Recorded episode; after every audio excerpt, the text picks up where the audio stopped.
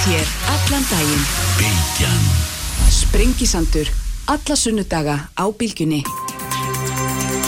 Sælir hlustendur, þá haldum fast að hér sem leiði liggur á Sprengisandurum þegar verða hér Guðmundur Björgvin Gilvarsson og Guðni Helga Haraldóttir frá einstökum börnum í lok í lok þáttar Pall Máttíasson fórstjóri landsbítalans verður hér og þeir verða hérna þingurinn Silja Döggunarsdóttir, Bryndís, Harald, Bryndís Haraldsdóttir og Odningi Haraldóttir en ég ætla að byrja hér með Finni Ottsinni sem er fórstjóri Haga, sætla blessaða Finnur og velkomin. Já, takk fyrir það. Uh, Mér langaði þess að spjalla við þig um, um svona um breytingar. Ef ekki að orða að það sé yfir heiti samtalsins breytingar. Og hérna við, við erum ekki bara í COVID heldur svona fjórðið innbyltingunni og COVID hefur að svona manni skilst eiginlega margfaldað hraða breytinga. Hvernig upplifur þú þetta í vestlunum þú til tiltöla nýjinn komin inn þarna náttúrulega en það er samvægna sem maður er ekki lengi að googla sér niður á staðröndur um að helmingur af fólki í vestlunum minni missa vinnuna á næstu tíu árum og, og það sé einhver jarðskjált í raun og veru og svona grípinu við það framöndan Já, ég held að sé alveg óhátt að líka COVID við svona einhvers konar jærskjálta mm. alveg óhátt COVID jú, kannski ræðar hlutunum eitthvað aðeins þá, þá er alveg ljósta að við stöndum á ákveðin tímumótum og kannski erum við alltaf á tímumótum en uh, þú vísa til fjóruðu innbyltingarnar út af hvað hún gengur og hún í rauninni gengur bara svolítið út af það að við erum að sjá að hlutir að verða mögulegir vegna tæknifarfara undarfarna ára sem við erum að tala um gerfigreind og hérna svona machine learning eða í sletti og, mm -hmm. hérna, og svona, þess að tækni trenda og aukinn bara hraða í vinslu getu og öðru slíku er að gera hluti mögulega sem að, sem að voru ekki mögulegir áður fyrr og, og við erum að sjá í einhverju skilningi gömul störf, ef ég setja hérna gæðsalappa, mm þau hverfa og hérna og við getum tekið fullt að dæmi um það. En það sem er kannski áhugavert, jú það er hægt að googla sér nýra að helmingu starf segja hverfa en það sem er áhugavert er að það er að verða til fullt af störfum í staðin og við tökum bara nærtækt dæmi hjá okkur í vestlunni sem að ég er svo heppin að fá að læra aðeins inn á núna síðustu mánuði er að, að það er allir rótnir velkunnugir sjálfsakvæmstu kostum í vestlunum og elmál samkvæmt þá fækkar hérna afgriststörfum við það en það bara verða til fullt af nýjum störfum það verða til til dæmis störfi tengslum við um, hugbúnaþróun, markasmálun og slíkt sem að í einum öðrum hætti, með einum öðrum hætti lúta því að, að við náum betra sambandi við okkar viðskiptöfun, við skiljum það betur, getum þjónaðum betur og, og hérna hvort þessi störf verða til akkurat í, eða hvort þau eru til í afgryslu eða einhverjum öðrum verkefnum, þá verða þau áfram til. Þessi störfin, þetta er bara yfirfærsla á störfum og, og kannski í einhverjum skilningi verða þessi störf sem eru að fara eða sem, mm. sem eru að koma í staðan fyrir þau sem eru að fara uh, mögulega áhugaverðari heldur en, en þau sem voru fyrir og ég held að ég við um, um þessa breytingar sem eru núna hérna um, verkefn okkur í vestlun er að er að, ná betra sambandi við viðskiptafinnun okkar, Já. tala við á breyðari grunni og, mm. og hérna, þjónaðin betur og, og það verður bara æri verkefni eins og verið hefur. Já, já, en það er samt sem aður er það ekki svona Jó, þetta er mikið breyting og starfum eins og þetta lýsa en síðan er þetta líka hérna, auðvitað vef veslun samskipti með allt örum hætti fólk hérna nenni síður í búðina því að það getur einfallega að panta þetta á vefnum og framvegis. Er, það er, er gjör breyting á þessu minstri og ég, ég sá einhver staðar að sko mér sé einn af tíu í Breitlandi er fann að kaupa alla matfur á netinu. Já. að því að mann hafa lengi haldið fram að það myndi ekki gerast því það er eitthvað sem þú þarfst að fara á handfjalla og, og svo framvegis Já. Þannig að þetta er líka hérna, að breytast og það hefur þetta ekki áhrif þá á húsnæði og allt, myna, allt batterið er raun og veru. Jú, jú, hérna, ég sá áhugaverða stúdíu fyrir nokkru um, um svona viðhorf á bandarækjumenn og við getum kannski yfirfært að einhver leiti hér. Viðhorf er til þess að fara í búð, fara í maturvöldun mm. og þar segjast engungu 15% hafa gaman að ég fara í búðina að kaupa í matin. Uh, og aftur, þú veist, það skiptir ekki máli hvort þeir eru 15 eða 20 eða 30% en, en þetta er bara svona verkefni sem við þurfum að vinna. Mm. en þetta þýðir það einfallega að það er stór hópur af fólki sem er tilbúin að að svona býtta út þessu verkefni fyrir eitthvað annað, fyrir bara sinna áhuga málum eða sinna fjölskyldu har ég líka sagt eða hvaða nú er.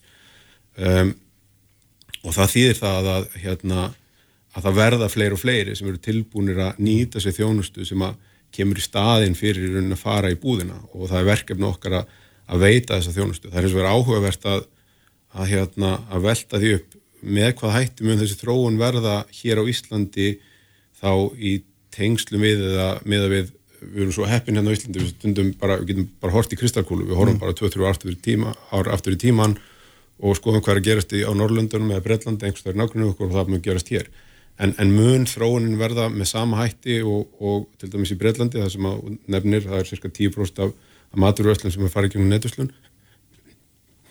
Um, það er eitthvað sem bendir til þess að, að, að þróunin er auðvitað hægari. Í dag eru við sannlega öðru hverju megin við 2% að matur er að fara í gegnum netuslun í dag og það var náttúrulega orðið veruleg aukning á síðasta ári, eðlumál samkvæmt í, í COVID-fárunu en hér heima eru aðstæður minnst þú veist aðeins öðruvísi. Við erum með hérna svona auðveldar aðgengi sannlega vestlun heldur en við annar staðar. Það eru góðar vestlun í náttúrulega uh, öllum hverfum. Og það sem er mikilvægt að ef þú stýur út í bíl hérna heima þá ert aldrei meir en 7-10 myndur í bílnum. Nei, stýur út í bíl erlendis eða átt bíl hérna þá tekur það bara til veit meiri tíma. Þannig að drivkraftarnir eru mögulega ekki alveg þeir sömu og ekki mm. jafn öflugir og í, í þjættbílum stórum borgum erlendis. Það breytir því ekki að þetta er um, þjónusta sem að viðskiptavennir gera ráð fyrir og, og hérna hún, hún er komin til þess að vera. Mm. Þetta er bara spurning hversu hratt þetta gerist. En þegar maður skoðar ykkar síður, þau fyrirtæki sem þú ert með að haga og þau fyrirtæki sem þar undir, þá er, er ykkar hérna, vef ásýnd mjög lítil. Já, hún hefur verið. Og af hverju er það? já, nú hef ég eins og sem bara stuttan sjóndildarring á, á, á þetta verkefni og, og hérna og, og hérna uh, það, uh, það það var eflaust verið svona hérna mjög góð sjónami fyrir því að fara sér hægt á stað. Það liggur fyrir að, að uh, netveslun og þá sérstaklega netveslun með matvöru mm. er hérna snúin restarlega, hún þarf að uppfylla í grunninn mínum að þetta er tvö skilir því annars vegar þurfum við að uppfylla svona vendingar visktafunum um þjónustu og verð og gæði þjónustunar elmálsangvænt og til lengri tíma þá þarf uh, þessi þjónusta að vera þannig að þessi hægt að veita hana með hérna rekstralega ábyrgum hætti skulum við segja. Við erum að miða við það að hérna að uh, þessi hægt að hafa ávinning á þessu eða hérna jákvæma ákoma á þessu og það hefur kannski reynst aðeins erfiðara hérna, eða hefur reynst erfiðara á undarföndum árum heldur en svona kannski fyrst var vænst til. Um, við erum hefðis verið að stíga mjög ákveðin skref í þessa átt. Og ég horfi, horfi með alltaf á það þannig að viðskiptafinurinn hann ræður því mm. hvernig við veitum þjónustuna og ef það er eftirspurn eftir netuslun sem er og verður og hún verður aukinn mm. þá munum við sjálfsögðu bara veita hana no. er, er er hægt að reyka netverslun með svona lítillega álagningu eins og til dæmis bónus sem ég sé að haft eftir núanandi fórstjóra þar að það sé ekki hægt það gangi aldrei upp að hérna, með svona lítillega álagningu að reyka netverslun ja, Þetta er áhugaverð spurning og, og ég held að það sé bara ágætt að taka þetta dæmi um bónusu verslun sem er reykin með sérlega lítillega álagningu. Og þar er, uh, vakn, er fólk vakið og svo yfir, yfir því að að ná hákamum einhversverðum og reyka vestlununa þannig að getur í raun og veru selt vöruna út á sem lægstri álagning og ég held ég geti fullir það að það er, það er, það er engin vestlun hérna uh, á Ísland í dag sem þú getur fullvast um að mm. allt sem þú kaupir er bara einfallega með lári álagning og það er frábær, frábær vissa fyrir visktavinnu og eitthvað sem við leggjum greiðarlega miklu áherslu á. Uh, ef við bætum sagt, kostnaði við netveslun eða vefveslun inn í þetta rekstramódel þá verður eitthvað að gefa eftir og við erum ákveðin kostnastruktúr og svo bætum við bara við týnslu og heimsendingu mm. og þá ertu komin í rauninni bara mjög fljótt í að, að, framleiðin sem að, sem að þú hefur til skiptana, hún bara, hún dögar ekki um, þannig að, ef þú ætlar að setja netuslun bara inn í lágur verslunar módel, mm. þá er það sennilega ekki eitthvað sem gengur til lengta á þess að breyta stúrnum eitthvað. Það, brey, það, það það þýðir samt ekki að sé ekki hægt að vestla í lágur vestlum í neðuslun og hérna um, annarkort breytist álagningin eitthvað eða þá, borg, eða þá til lengri tíma fólk greiðir bara fyrir þessa þjónustu. Og það er bara gama kannski að segja frá því að í hérna bandaríkjónum og Kanada er starfandi fyrirtæki sem heitir Instacart sem er líklega að fara á markað og, og hérna markasvirði þess verður einhver starf að markveldi af íslensku kaupöllinni mm. en það fyrirtæki gengur bara út á það að veita viðskiptunum þjá þjónustu að vestla í þeim vestlunum sem þeir vilja kaupa í og, og þau borgar bara þjónustugjald og eitthvað startgjald fyrir það. Þannig að, að þetta snýst kannski fyrst og fremst ok, hvað er það sem viðskiptavinnur vil ef hann vil vestla í, í bónus í netuslum þá endan verður það hægt, það er engin mhm. spurning mm -hmm, mm -hmm. En hvernig er svona því við vorum að tala eins og störfin á þegar, þegar þetta allt saman fyrir þú segir hérna að það verður til ný störf en það verður náttúrulega alltaf til haugur af, eða mörg störf sem eru samt sem áður alltaf þessi innföldu störf það þarf að týna vörur úr hillum og keira þær út og, og allt þess að það er hvar sér þau og því hvar sjáu þið fyrir ykkur að þessi svona þessi framleginu verði og þessi þessi svona hækkun á þessu stígi sem að þekkingastígi getur við sagt. Á hvað, á hvað sviðum? Já, til dæmis. Hérna, það, það er rétt hjá þér, það þarf að hérna, það þarf að, að sagt, setja vörur í hillur, það þarf að taka vörur úr hillum ef þú ætlar að, hérna, að koma þeim í ískapana á heimilónum en um, ef við bara horfum á fyrirtæki eins og, eins og haga, þar eru við að snerta viðskiptafinni cirka 30 miljón sinnum á, á, á ári, við erum að snerta hvern? Íslending svona 70-80 sinnum í þá öllum okkar fyrirtækjum.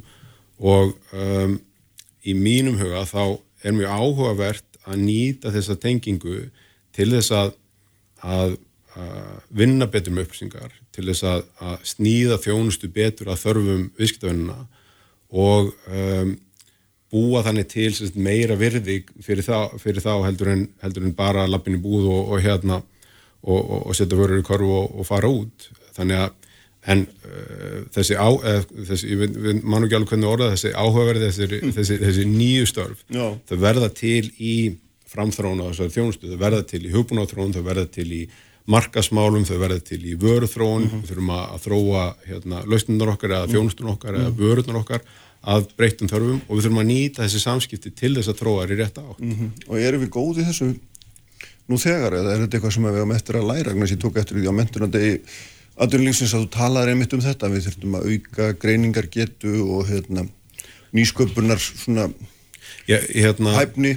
ef, við horfum til Vestlunar þá er mjög áhugavert hvað hérna, við raunverulega um, hvað Vestlunin í raun og veru kannski veit lítið um viðskiptafinni sína. Og ég segi þetta með fullri virðingu en, en sagt, við höfum sögulega séð eiginlega engungu haft samskipti við það og þegar það er komin í búðuna mm. til okkar og, mm. og, og, og greiða með kredtkort eða einhver álíka. Eh, það eru mikið tækifæri í þessu, þessu stöðu og samtali sem ég held að við getum átt á, á svona tækni öldinni sem er, mm. sem er núna gengin í gard þannig að um, já það eru bara alveg gríðarlega spennandi tímar framöndan mm. og, og hérna og uh, erfitt svo sem að segja fyrir nákvæmlega hverja breytingarnir verða en er verða og, og í því sambandi bara þegar við nefnir að hérna um, það er ákveðið virði í því að hérna hafa óþól fyrir því hvernig hlutinni voru gerðir í gær Já. vegna þess að, að hérna, þetta stöðu og umbóta uh, viðhorf uh, það hjálpar okkur að móta þjónustun okkar og, og ég held að sé alveg gríðarlega mikilvægt í vestlun og alls þar annar staðar að, að horfa með gaggrinum hætti mm. á hvað það er sem við erum að gera og, og horfa með hérna svona með alltið uh, hérna reylskinum hætti á hvað það er sem viðskiptöfunum er að byggja um mm -hmm. og verða við því. Það er okkar verkefni einfallega að, að sinna viðskiptöfunum. En er, hvað myndir þú segja að viðskiptöfunir ykkar sé að byggja um fyrirtæki sem er í öllu en svo þið eruð mjög, með puttana mjög víða, þið eru að selja bensín og þið eru að selja líf og þið eru að selja mat og guðum að vita hvað ekki sko. Þetta, er, er þetta, þetta hérna, frístundavörur held ég mér sér líka út í lífið ekki undir ykkar hatti og... Þetta er mjög góð spurning. Uh, kannski varandi svona áhersluðunar hjá okkur þá höfum við tekið það ákvörðun að við ætlum ekki verið í öllu. Við erum frekar að þrengja fókusin hjá okkur uh, og ætlum að leggja áherslu á það sem við teljum að við kunnum vel og getum búið til hérna eitthvað sem einhvers virði fyrir okkar viðskiptöðunni við höfum tekið það ákvörðun að við ætlum ekki að vera í, í livsölu og við erum, þú nefnir frístundavöru eða íþróttavöru, við erum einnig um að taka það ákvörðinu og við ætlum út úr þeim bransa, við erum með í rauninni þessi fyrirtæki út í líf og, og hérna Reykjavík Grabotek í sölufelli um, e, en að spurningunni vilja viðskiptafinir að eiga viðskipti við fyrirtæki sem er í öllu?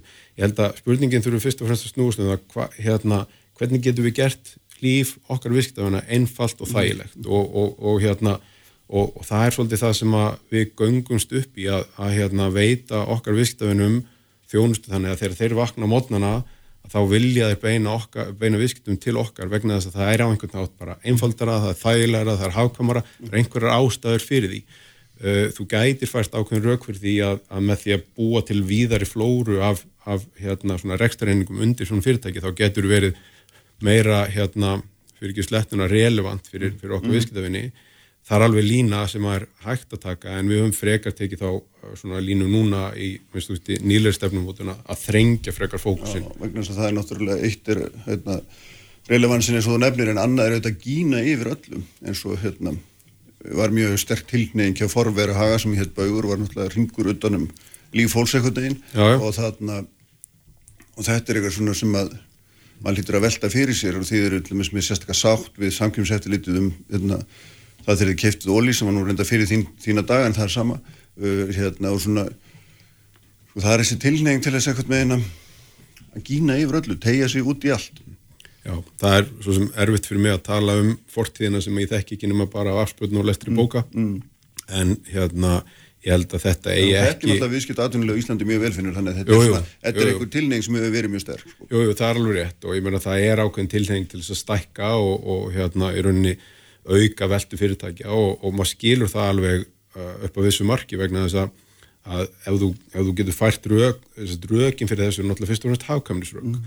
og ef þú getur sam nýtt kostnáðstruktúr og annars líkt og þar aflegandi veitt uh, neytendum betri þjónustu sem hlýtur að vera drivkrafturinn á bakveit allt saman, mm -hmm. þá er það bara áhugaverð leið en það er önnur leið sem er alveg líka vel fær, það er að, að við, við ákveðum við einskorðum okkur við ákveðnar viðskeru ef við getum kallað það, eins og við höfum ákveð að gera núna í, hérna, hjá högum. Við ætlum bara að vinna viðskerunum með matvöru og með eldstindi mm, mm. og láta þar við sitja mm. en við ætlum að gera það einstaklega vel við ætlum að verða eins góð í því og við mögulega getum og veita þannig okkar viðskiptunum betri þjónustu. En ég er að því að þetta er auðvitað einhver spurningum þegar þú tekur, þegar þú ætlar að stækka svona mikið þá skuld, það að skuldsetja það mikið sem er hérna, einhver mandra hjá sumum en annir, aðri vilja beita ráðdeild og vaksa einhvern veginn innanfrá og skulda lítið. Já, já. Við höfum, við höfum sett okkur markmið um að hérna, um, uh, uh, og hún er bara uh, myndi ég segja frekar hófleg mm. við sett okkur markmið að við ætlum að, að skila einhverju 10% arsimi ofan á áhættulösa hérna, áhættulösa vexti og þann, þeirri arsimi er hægt að, hægt að ná með, það 10%, já, 10% Er það ekki aldrei mikið í, í hérna, samfélagi sem er reikið á 1% vöxtum? Já, þetta er hérna Þetta er uh, sennilega, telst ekki endilega mikið há ástönukrafa á fyrirtæki á, á markaði. En eðlum og sangkvæmt þá er bara herri ástönukrafa á, á hérna, áhættu starfsemi eins og hérna, aðvunnstarfsemi. Mm.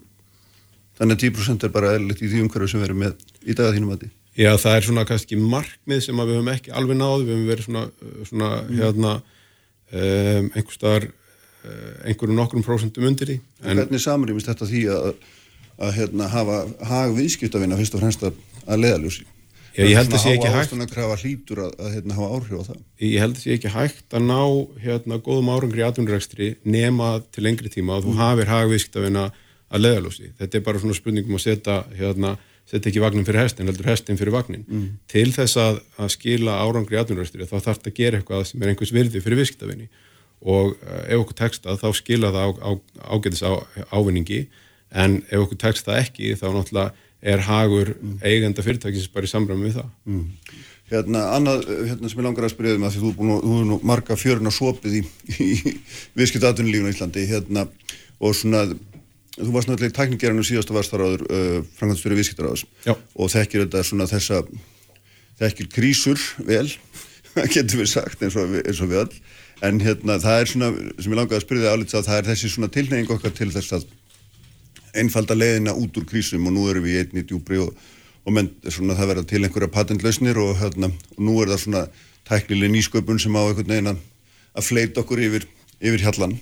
Hvernig horfir þetta við þér? Svona þegar þú lítur yfir þetta, erum við að hérna, of áætla þetta, svona get okkar þessum gera eða hva, hvernig finnst þetta? Nei, nei, ég held ekki, en ég held þessi mikilvægt að við drögum að einhvern lærdom að, að fortíðinni og hérna ef við tökum kannski sem síðust tíu ár sem voru dóminuruð af ferðarþjónustuð þá hérna eh, þegar hún var í hápuntu þá er ég að tala um kannski hápuntunum áður en að það fór að hrykta í þegar það fór að hrykta í með flugfélagin og svo endanlega þegar COVID kemur upp á þá um, þá, þá minnst veltum við fyrir sem við ættum ekki endilega að fara sömuleið, við ættum mm. ekki að byggja upp hlutinu með nákvæmlega sama hætti vegna þess að einfallega að það var komið á ákveðu ójafvægi, hérna ójafvægi er almennt séð vond í atvinnurekstri og, og, og uppbyggingu efnagslífs en ef við horfum á sko síðustu ár þá um, byggðum við upp hérna gríðarlega stór og öllu atvinnugrein sem að að einhver leiti veldu því að það verður á vinnumarkaði, við vorum að hérna áttum í rauninni ekki öll þegar sinna öllum sem verkefnum sem komin á fjölda atvinnugreina.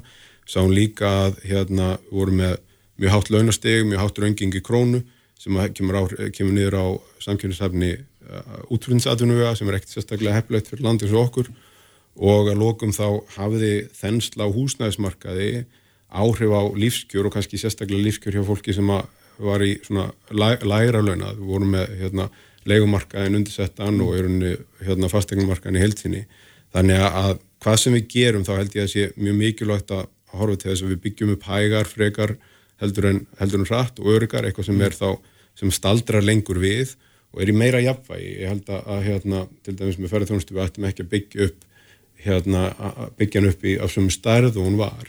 En þú spyrðum hérna um, uh, svona hvort að sé einhver táruleusn í nýsköpun byggð á tækni. Ég, sko, þetta snýst ekkit um tækni, þetta snýst meira bara um þetta nýskupunar mentalitet sem ég held að það dreifir sér yfir atvinnulífið og ég hef, hérna, ég er ekkit sérstaklega góð spámaður um, um framtíðina, ég held ég bara segja það reynd út, en ég hef gríðilega mikla trú á fólki og, og kynnslónum sem er að vaksa upp, bara hugmyndaflögin sem er þar og ef við treystum ef við, ef við, ef við, ef við, ef við hérna, treystum fólkinu og fyrirtækinu fyrir verkefnunum þá hef ég, þá, þá, þá er bara framtíðin freka björn. Mm en aftur bara vísa til þess að, að þarna nýsköpun snýst um það að við erum ekki sátt við hvernig hlutinir er í dag gerum það þó betra á morgun já, já. En er, sko, er, erum við ekki svona einhvern veginn sem hópur sem hjörð hérna alltaf fljótað að elda einhverja svona elda einhverja svona umröðum búa til einhverja, einhverja skíaborgir Nei, nei, hérna ég, ég held að þú sést aðeins og, og svart síðan á okkur, okkur þannig mm. og, og aftur sko það er engin skíaborga að nýsköpun, tæknum með nýsköpun hérna sé uh, að sé svona ákveðin áhugaverð framtíð því en hún dreifist yfir allar aðtunumgreina það eru öll fyrirtæki, orðin tæknifyrirtæki mm. og ef þau eru ekki orðin það nú þegar þá eru þau bara í tölvunum vandrað myndi ég segja, mm. þannig að, að við munum nýta tæknina sem tól til þess að leysa viðfangsefni sem við erum að, erum að kljást við. Þannig að ég held að þetta mun dreifa sér yfir allt atvinnulíf og verður ekkert einhver það, það, við erum ekkert að fara við ætlum ekkert að fara að lifa á því bara að búa til tölvuleiki eða einhverju upp á hann slíkt, mm. þetta eru að búa til ver, verkværi, búa til upp og, og, og tækni miður verkværi til þess að leysa þarfir í öllum atvinnugrænum hvort sem það er sjáarútur eða ferðarþjónust eða vestlun breytir engu. Þetta verður löst þvert á Já. En er ekki svona sko starrend svo að, að það, er, það lítur mikið tilneng til þú kemur út úr svona mikið lægð að reyna að gera það sem þú kant fara aftur tilbaka uh, byggja upp aftur það sem þú hafðir sækja það en um leiðum er mikið talað um jú, við verum að hérna, nálgast alltaf hluti öðruvísi, fljúa Já. minna, ferðast minna og allt þetta þú þekkir alltaf þessum umröðum En ég, ég, það er alveg hérna, það er alveg góð punktur, mér finnst aðeins eins og orðaðan um ferðarþjónustunum sé bara að við ætlum bara að fara aftur í saman farið mm. uh, hérna, en ég treysti því að við, við, við lærum af og ég veldi líka fyrir mér hvort að saman farið sé einfallega fært vegna þess að okay.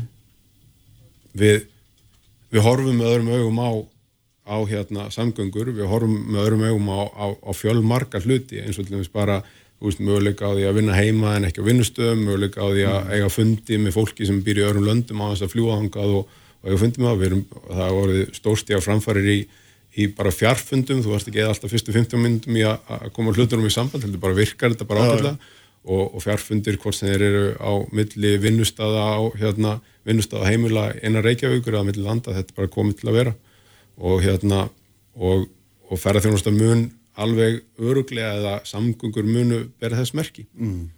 og aftur eru komum fullt af áhugaverðum og nöðsilum sjónumíðum sem eru í, í svona sterkari profil núna eins og bara umhverfsmál og sjálfbærtn og annað slikt sem mun líka stuðlaði því að við gætum okkar þegar við byggjum upp þessar aðdungrunum. Já, en er ekki líkiladri að fjármagnir hafi áhuga þessu? Því ef það hefur áhuga á því að elda, elda það sem fyrir var þá hérna, verður ekki mikið úr þessari hugsun. Nei, nei, en, en ég myndur segja að fjármagnin hafa bara til að vera náhuga á þessu. Mm. Við sjáum að hérna, grænar áherslur er að verða alveg gríðarlega mikilvægar og, og, hérna, og það eru náttúrulega ekkit bara mikilvægar fyrir atvinnulífið, það eru bara mikilvægar fyrir heiminn. Vi, við þurfum að breyta því hvernig við komum, komum fram við, við verðlutun okkar og, og hérna og uh, það verður og er þegar orðið fjárháslega hafkvæmt. Það er fjárháslega hafkvæmt að að ef við tökum bara svona nærtækt dæmið það er fjárhaldslega aðkvæmta flokk og endurvinna rusl hefur verið af nokkur skeið og við erum bara að gera nokkuð gott móti því. Mm. Ljómandi, látum gott þetta Finnur Rótsson, takk fyrir að koma. Sumleis takk. Það er hérna hjá mér þingkonurnar Bryndis Haraldsdóttir, uh, Odni Haraldsdóttir og Silja Dögg Gunnarsdóttir eftir augnum blekkum Sprengisandur. Ábylgjunni Sprengisandur. Ábylgjunni Sælir afturlustendur, uh, farinni frá með Finnur Oddsson, fórstur í Haga. Uh, en þær eru komin hér Odni Haraldóttir Silja Dögg Gunnarsdóttir og Bryndis Haraldsdóttir, þingkonur allar þrjár, velkomnar. Takk, takk. Fyrir. Aðeins að taka svona púlsin á, á pólitíkinu í augnablikinu, sko, ég er að byrja, langar samt að byrja í, aðeins á Suðunisson og það hér hjá mér fyrir viku var, var formaður verkefælis og sjómanafélags keflaugurinn ákveðin sem vorum að tala um atvinnuleysi á þessum svæði sem er einhver 25% og mér segja yfir 26% ef maður telur það með sem eru hafa verið þvingaður í hlutastörf. Og, þarna, og þetta eru bara skellulega tölur sem við hefum ekki séð nátt í og helminguna þessar fólki er, eru erlendir starfsmenn sem hinga á komið. Uh, 1300 manns held ég. Eða meira hefur, þetta er ekki 3000 okkar manns.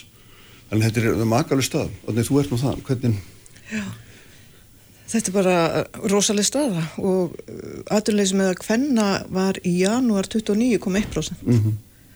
og það gefur bara, mér, það hlýtur hver maður að sjá að samfélag sem að býr við slíkt aðurleisi er í miklu vanda og þess vegna hef ég verið að kalla eftir því og reyndar alveg bara frá því í vor og við í samfélkingunni að, að ríkistjórnun og stjórnaflokkarnir sko fókusir svo svolítið á þennan landsluta sem verður svona rosalega illa úti og jafni byrðarnar.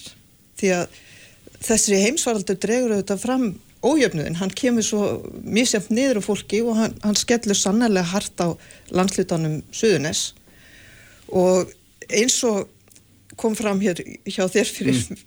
viku síðan í, í viðtali við hann að Guðbjörgu formann uh, verkefælis og sjómanafélags keflavíkur að þá var um 10% atvinnuleysi þegar að heimsvaldur skall á, á á Suðunusum. Það var 5% landin öllu. 10.000 manns voru atvinnulegs þegar að heimsvaldur faraldurinn skall á.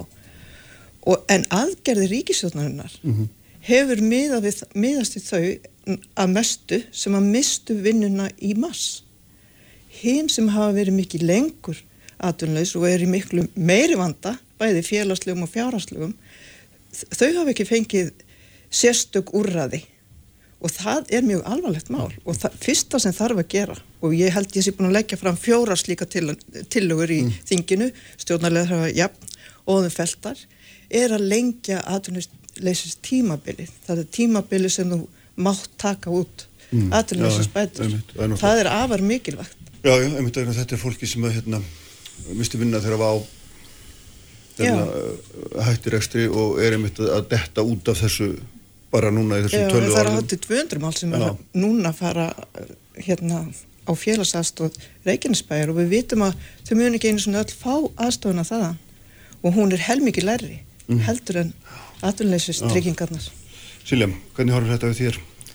Já, við framsvonarfloknum, við höfum ekki kannski tekið undir þessar hugmyndir samfélkingarnar um að það sé besti kosturinn til að koma móts við þennan hóp með því að lengja atvinnleisis tímabilið.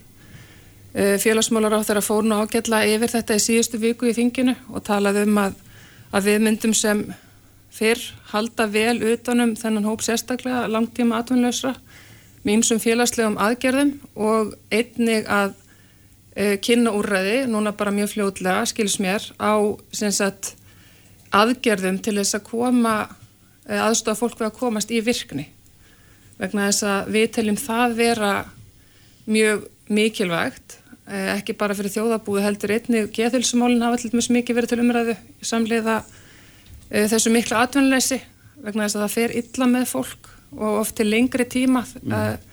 þegar þessu ástandi fer nú að linna sem það gerir náttúrulega einhvern tímapunkti að það skiptir svo miklu máli að, að jú, að hlúa að fólki þannig að, að tryggja framfæslu þeirra að sjálfsögðu á meðan að þetta stendur yfir en samlega því að koma því í virkni þannig að ég get nú kannski ekki kynnt neitt núna, við þurfum að býða eftir félagsmjölar á þeirra en það mun gerast núna næstu. En þér finnst það ekki nógu góð hugmynd að lengja þetta tíma? Nei, við, við, við teljum uh, skynsalega að fara aðra leiðir. Við höfum náttúrulega verið með ímis úræði gangi eins og allir vinna og efnaðas aðgerir ríkistjórnar hann hafa sjálfsögðu komið fyrirtækjum og einstaklingum á suðunusum vel eins og annars þar á landinu.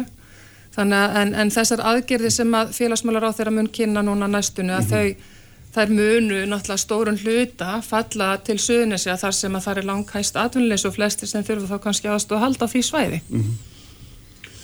Já, Bryndís, aðnátingast aðeins. Já, ég meina, ég held að, þú veist, atvinnileysi er alltaf minnsemt og það er alveg óbúslega hátt hlutfallan á suðunisjum og það hlýtur að vera erfitt fyrir öll samfélag að þurfa að glíma við það. E, aftur á móti er það mín pólitík að mér finnst að stjórnveld eða fyrst og fremst að hugsa um svona grunn innviði og þarna til dæmis getur nefnt heilsugjæsluna að hún sé öflug og, og það hefur svolítið skort upp á það og það hefur nú komið fram tilögur í þinginum það að við ættum nú kannski að hérna leifa engaðilum að komin í rekstur heilsugjæslunar hérna á söðunisum e, það eru auðvitað mentakerfi síðan í lægi við erum með þetta öryggisnet okkar sem á að vera einhvers konar trampolín að grýpa fólkið með þegar missi vinnuna og reyna að fleita þeim aftur út í, í atunlífið þannig að það er kannski sem greinir mína pólitíka frá pólitík 8 hérna í staðin fyrir að halda áfram og lengja aðtunleysistímabili að þá vil ég miklu frekar veita súrefni til fyrirtækja og uh, fólki á söðinu sem þarf að búa til einhver tækifæri úr þeim mikla auð sem þarna er og ég held að það sé stóra málið að það er að fjölga atvinnutækifærum. Og það er nú einhvers sem sagði atvinna, atvinna, atvinna. Mm. það eru auðvitað stóra málið næstu ára. En það, í mínum huga er ekki þannig að við á þingi um að koma okkur saman, já já, nú ættu allir að fara hérna í eitt stykki alver eða mm. eitthvað annað. Heldur búa til þennan ramma og leifa frumkvölum þessa lands að finna út úr því hvað hægt er að gera. Það og er það er kannski innspýtingin sem vantar á suðunisum. Er það það er ekki, það er það er alltaf lausnin held ég mm. að hugsa um fyrirtækin og þau þurfi súrefni og, og það þarf að byggja þau en ég held að það sé ekki langtíma lausn sko að, að lengja bara í atvinnulegreisis hérna bóta kerfin okkar mm -hmm heldur þarf þetta fólk að fá vinnu og ef það er ekki vinna þá þurfum við þetta að vera með einhver virkni úrræði. Mm -hmm. Það, það þarf sannarlega aðgeri bæði til lands og skamstíma mm. Og stjórnaflokkarnir hafa haft uh, góðan skilning á því að þá þurfum að mæta fyrirtæki sem hafa orði fyrir tekifalli en þegar það kemur að heimilónum þá verðast þau ekki dátt að segja því að þau hafa líka orði fyrir tekifalli og við þessar óvinnulegu aðstæður eigum við auðvitað að lengja í aðlunistífambilinu og og koma með úrræði til þess að mæta tekjufalli heimilarna. Það er fáránlegt og ég verð mjög reið þegar ég fer í þessa umræði að því mm. mér finnst þetta svo mikið skilningsleysi. Og að horfa upp á það að, að byðraðir við það sem að hjálpa stofnanir er að gefa mat lengjast og lengjast og fólk, fólk er beint, beinustu leiði sára fátækt. Af því það, svo, það er svo mikið einhvern veginn að, að, auka virkni úr að auðvitað er það bara fínt með. En það er, er fjárraksvandin og efnahagslegu vandi heimila sem hann stafar að aðtunleys ekki satt sem að það var að taka á núna sem er bráða aðgjert en auðvitað þurfum við líka að hugsa til framtíðar og að koma með fleiri aðtunutækifæri og við þurfum að renna stóðum undir ferðarþjónustuna en við þurfum að renna stóðum undir fleiri geira aðunlýfsins mm -hmm. og þetta til lengri tíma. Mm -hmm. Það er bráðavandi núna, við höfum komið með alls konar úrreði fyrir fyrirtæki en slefti fyrir heimilin. Bara að benda það sko að úrræðin fyrir fyrirtækin eru þetta úrræði fyrir fólki í landinu því það sem skiptir mestu máli er að fólk hafi vinnu. En þau borga ekki úrræði... reyningana með úrræðin fyrir, fyrir fyrirtækin. Jú, ef að fyrirtækin ná að halda rekstri og halda fólki í vinnu, þá er það það sem við vinnum með. Þannig allar aðgjur ekki gerða fyrir fyrirtæki, þetta er gert fyrir samfélagi okkar og fjölskytnurinn í landinu. Mm -hmm. Stæðsta aðgerðin sem að ríkistjóðni kom með var aðstóð við að segja upp fólki og, svo, og það var leið sem ekkert annað ríki hefur farið og svo aðgerð ein og sér mm -hmm. ítti undir aðtunleysi hún fatti fyrirtækin til að segja fólkinu En hún kannski, það bjargar þá því að það verða hér fyrirtæki í ferðarþjónustu sem að geta hafi rekstur strax aftur og þessari, þessum veirufaraldir líkur og þá fáum við aftur þessa ferðarmenn og þá eru þessi fyrirtæki til staðar. En hvað, hvað á að býða lengi eftir því að hérna, ástandi batni? Ég ætla bara að fórna þessum hóp sem líkur öllna bara ég, láta hann líka á milli þetta. Ég ætla kannski að draga þetta aðeins saman, bara ítrykka það sem ég sagði á þannig félagsmálar á það að sagði síðustu viku mm. að hann myndi kynna núna næstu dögum frekar aðgerðir til fyrsta lægi að tryggja framfærslu fólks í fyrsta lægi, það er skamtíma aðgerð og einnig að koma fólki í virknu úræði mm. sem eru vissulega e, e, aðgerð við skamtíma vanda en svo tekið náttúrulega undir með brindisi að hérna, auðvitað þurfum við að halda áfram að, hérna, að búa til þann ramma þannig að fyrirtæki geti bara bæði orðið til og þróskast og dafnað. Þannig en ég bara segja ég er ekki sammála uh, leið samfélkingarinnar um að lengja atvinnleysistímabilið, ég vil bara ítrekka það en tek samt að auðvitað líka undir með odni og ég bý líka á söðunum sem er býið í nervikonum að hérna auðvitað þekkja maður þetta fólk sem er atvinnlust persónlega og við vitum það að þetta er alvarlegt og við höfum mjög djúpan skilning á því og ég veit að félagsmálar á þeirra á reglulega fundi með sveitafélögum á Suðunessum og, og þeim sem að koma að þessum hlutum þar mm. og vinnur þessu úrræði algjörlega í samstarfi við þessa aðila sem að þekka mjög vel til. Mm. Þannig að ég hafna því að það sé engin skilningur og, og hérna við séum bara eitthvað að gaufast þarna í þessum málaflokki. Þú sést vonað því að hann komi fram með fjárhásleg bæði félagslegar aðgerir til að tryggja mhm. afkomu mm -hmm. heimilina, ég veit ekki hver, hvernig þær munu líta út þessar aðgerir hann mun kynna það fljóðlega vantalega sjálfur og einnig þessi virknúræði sem að skipta mjög miklu máli bara upp á velíðan og velsælt samfélagsins, öllu leiti. Mm -hmm. Það hefur blasa við alveg frá því að heimsfaraldurinn skall á okkur að það er ákveðin hópur sem þarf að bera þingstu byrðarnar og það er fólki sem að misti vinnuna. Ég hef haft mörg samtal í þinginu við ráþurra og síðast við fósættisráþurra 14. desember um stöðu þessar fólks og aðgerri ríkisöðunar. Þá saði fósættisráþurra e, félagsmálaráþurra er búin að setja nefnd í málið og hvað, hvað nú er að, er að koma, er fyrsti mass í dag eða 28. februar og það er ekkert að frétta það er ekkert að frétta og aðgerðir til þess að stiðja við þann hóp sem þarf að taka þingstu byrjurnar eru máttlausar að halvi ríkistjóðnarinnar og þau verða að fara að hísja upp þessum búkstutnar mm -hmm. því þau eru með allt niður í sig mm -hmm. þegar það kemur að efna heimaluna Vil ég svara því? Ósamála náttúrulega það er náttúrulega hluti bara sem ég nefndi á hann allir vinna og svo tekifallstyrkir og fullt af öðrum efnaðsaðgerðum sem að hefur verið gripið til en vissulega þá erum við öll að gera þetta í fyrsta skipti. Það er alveg sérstaklega vandi sem að hérna er það fókus á sem að er auðvitað ekki bara skamtíma vandi COVID, þannig líka lengri tíma vandi. Algjörlega, algjörlega. Sem að hérna það, og þess vegna erum við náttúrulega með í grunninn gott velferðarkerfi á Íslandi. Skulum ekki gleyma því þegar svona, þú veist þannig að kerfið okkar grýpur þetta, við erum með aðsluðið til er hópagrindi sem er að detta fram á brúninni. Það er svolítið verið að tala um þann akkurat, hóp Akkurat, og lausnin á því eru þetta að koma hjólum aturlýsins á stað Já, aftur. En, en nú, nú erum við með ástæðan það sem að það er ekki hægt alveg, skiluru Það tekur tíma. Það tekur eitthvað tíma, já, já, já, og þess vegna þarf að bregðast við því á meðan, algjörlega sammála því, en ég er bara kannski að benda það að lausnir okkar hafa verið aðrar en lausni sem að Odni og samfélkingin hefur mm. talað fyrir það sem að fyrst og fremst tala um annars vera lengja í aðtölusbótum mm -hmm. og fjölga ofnbjörnum störfum. Mm -hmm. Áherslunar uh, mín megin og sjálfstæðsfólksmegin er að virka aðtölulífi og hjól aðtölulífis komist aftur á stað. Al og það er algjörlega okkar stefna líka en við verðum ekki bara að horfa í eina átt. Við þurfum að horfa til heimlana, við þurfum að horfa að, á það að styrkja félagslega kerfið okkar Mm -hmm. og líka ebla aðunleimi og renna fleiri stóðum þar undir. Og þá komum við náttúrulega skynsumulegina sem við sýtum hérna mittverkar að við á framsunafloknum, við náttúrulega förum í báðaráttir, við hérna hvetjum aðunleimið og förum í mjög góðar félagslegar aðgerið til þess að bregðast við vandanum. Það er bara, er ekki, framsunaflokkurinn kemur alltaf sterkurinn, það er uppi staði. Sittur hérna í miðinu og hérna Akkurat, og degis í báðaráttir. Þetta er góð, góð jafnvegi. Hérna, mér langar eins að tala um eitt annað mál við ykkur hérna, sem hefur verið mikið í deglunni og það er, það er hérna, mynd afskipti dónsmálar á þennans af, af, hérna, af því hvernig lauruglan segir frá aðdöfnum sínum uh, og málsattökar er nokkur með þau að hérna, frá því að sagt í tilkynningur frá lauruglunni að held að vera orðað þannig að hæst einn, einn af gestum hann í ásmundarsal þálarsmjörnskvöldi að vera hæstvirtur ráþara. Það er enda sagt háttvirtur Já, og það kannski pyrjar fórsetta þingsins hérna einn af varafórsetunum að þú talar um hæstvirta ráþara og háttvirta þingmenn. Já, einmitt, nákvæmlega, ok, en þarna hátt, að vera háttvirtur ráþara og, og, og dómsmálaráþarna bregstu því með því að ringja í laurglustjónan ekki einu sinni heldur tvísvar til þess að ræða þessa aðferð laurglunum við að segja frá og sumum telja þetta sé freglitt yngripp í, í störflaurglunar og aðri segja þetta sé allt í lægi því að þetta það sé eðlilegt að ráð þeirra ræði við undurstofnarnir sínar.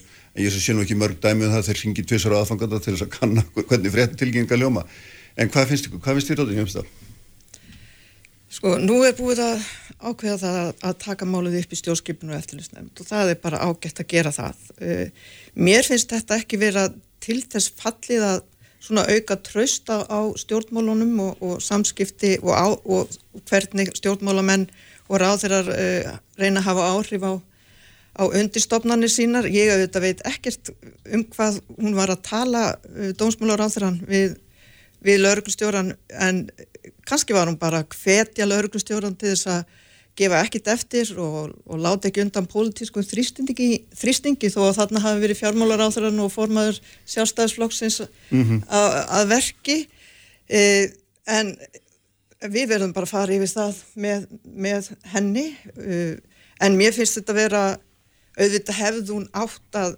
svara e, fjölmjölum ef, ef hún hafi áhugir af því að hún gæti ekki svara almeinlega þá átt hún auðvitað bara að segja að hún treysti lauruglunni til þess að fara og rannsaka þetta mál og, mm. og, og, og leiða það til líkta e, og þetta líktar ekki vel finnst mér en, en vonandi hérna var þetta bara saglust hjál á milli ráðurans og lauruglustjórans eftir að uppkomst um að fjármálaráðurann uh, var bara úti að djamma þegar við öll hinn vorum að, að skera niður í jólabóðanum okkar og, og passa upp á sóttarnir. Mm.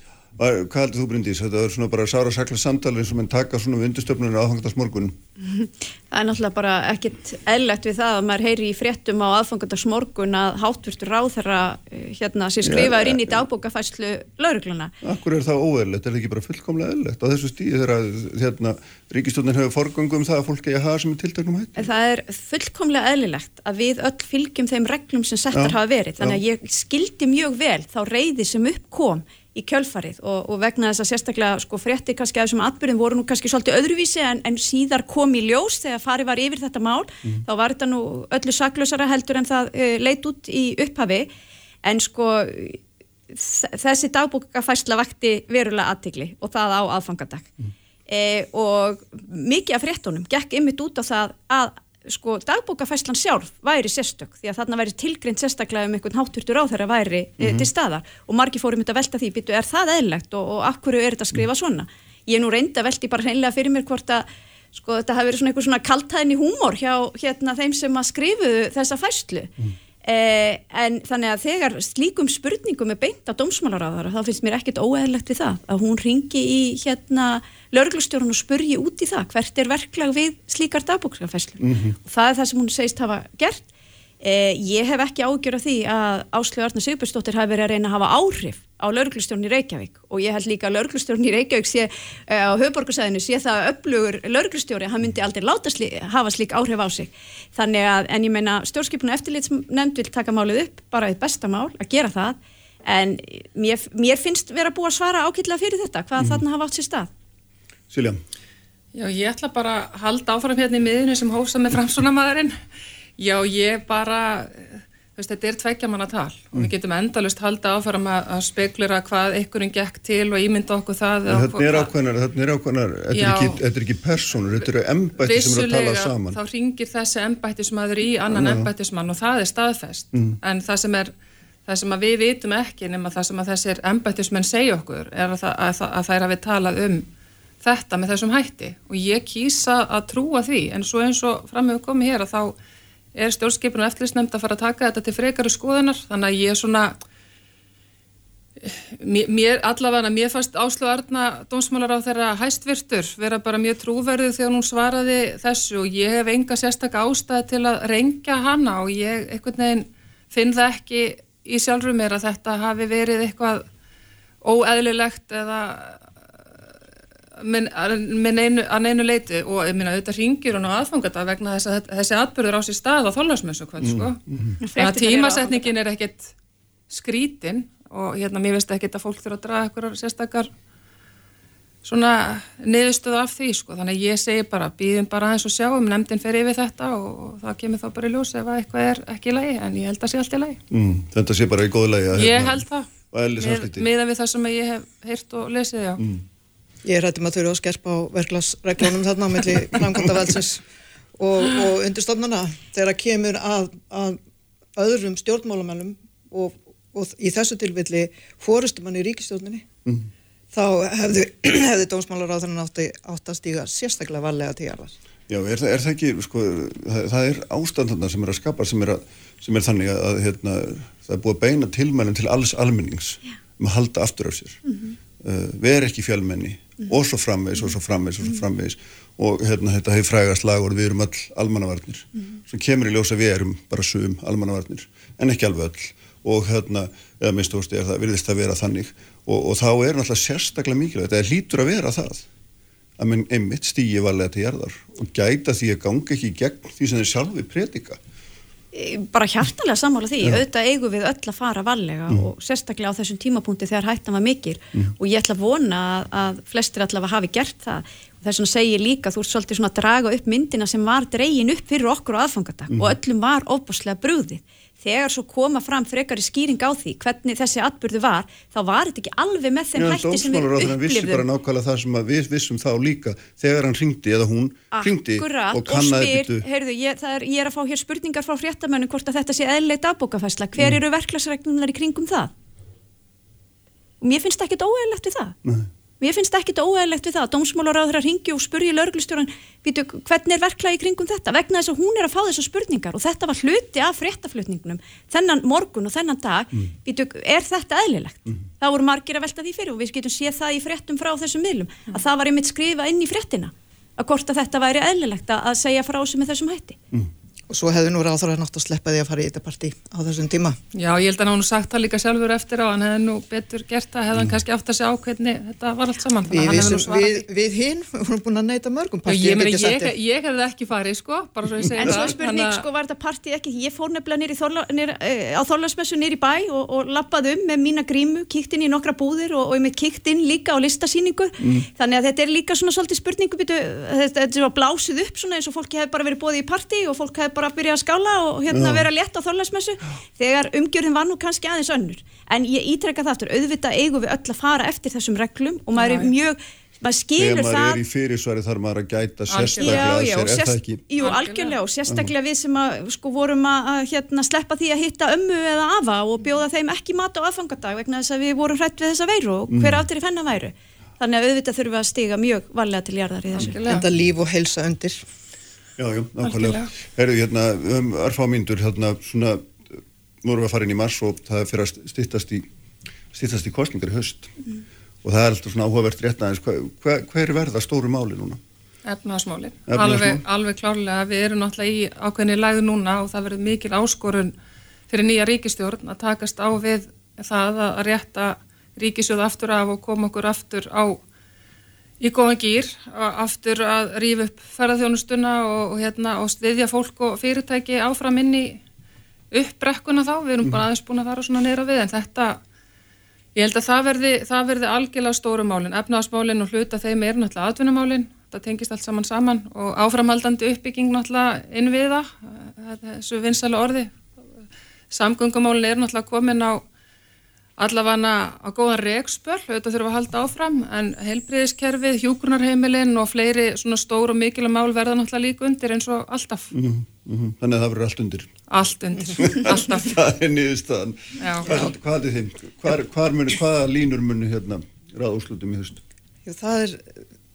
Þinn formaður hefur allavega verið alveg skýr um hvað hann vil. Já, já, og við vitum hvað við viljum jafnamenn þegar að, að leiða á þjóðuna upp úr hérna, ef, þessara djúbu efnahagslægð og þá er það auðvitað efnahagsmálun og aturmálun eins og Silja segir.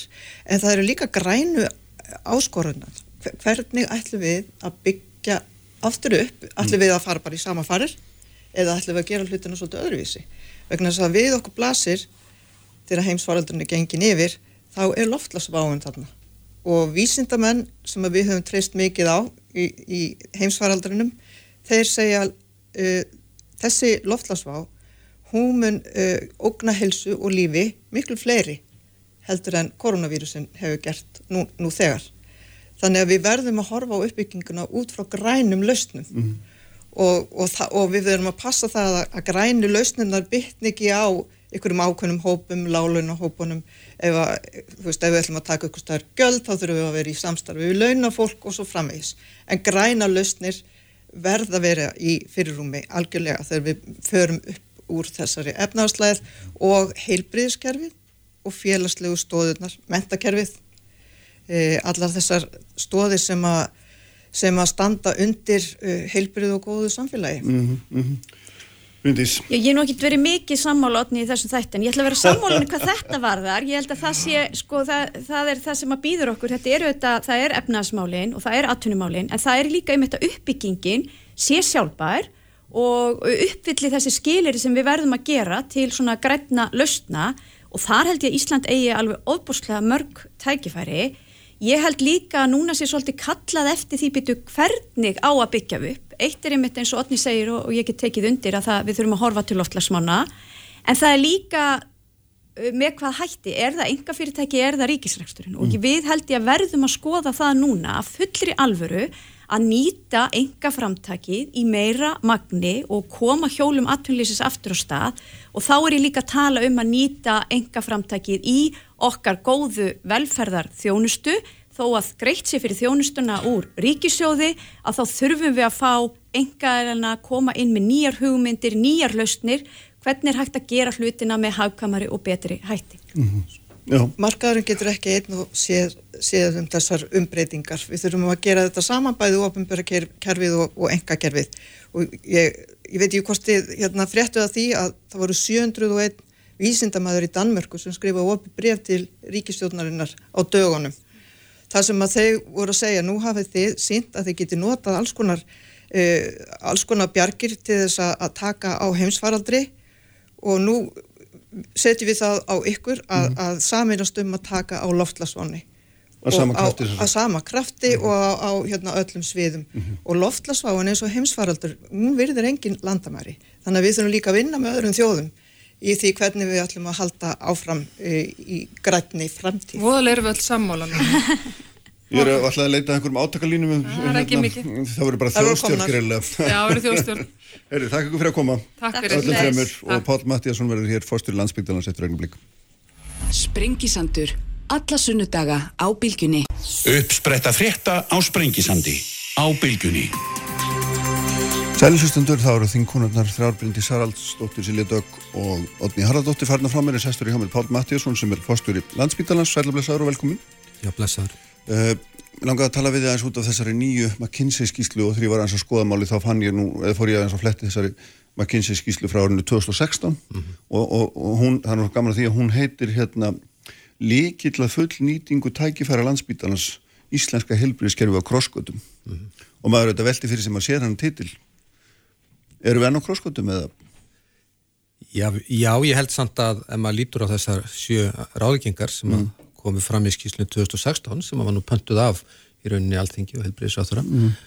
þá myndi ég nú segja að, að mjög margt að því er á réttir leið mm. og, og þessi nýja makkinsi skýsla sem nú er komin fram sem fjallan á annars vegar um svona benchmarking eða svona já, viðmið, viðmið og hins vegar um sko fjármögnunarkerfið að þar kannski má segja að sé verið að reyka ákveði smissöka því að verða uh, svona fjármjörnarkerfi á það að, að nýta betur krafta heilbríðskerfisins og landsbyttal ekki síst. Mm -hmm. Þetta, þetta fjármjörnarkerfi er sérna heitir DRG ég, og ég kalla það og, þarna, og er mikið umræðinu og maður sér þetta víða og svona en, en skýrðu bara svona einföldum hætti fyrir okkur minna, mm -hmm. að hvað leiti verða Íslandingar betur settir ef þetta verður innleitt en, en áður. Hvern, hvernig finnum við fyrir því? Sko til að, til að byrja með þá er, sko DRG er í rauninni það stendur fyrir Diagnostic Related Groups mm -hmm. og, og í rauninni gengur út á það að, að sko greiningar, sjúkdómsgreiningar tengjast kostnaði og forspor, hefur fórsporgildum kostnaði í þjónustu spítala og, og býstna næri lægi oft og þarna e, í rauninni er verið að nota það þarna Eh, reyndar á það ekki við í gethjónust og öldunarþjónustu sérstaklega þar er það eins loknara því að þar spá aðri þættir en greiningar mest um kostnað og einni er þetta tekið út fyrir varandi bráðamótöku því þar hlamis á landsbytala hefur hún Norðar Allands hafs hlutverk mm.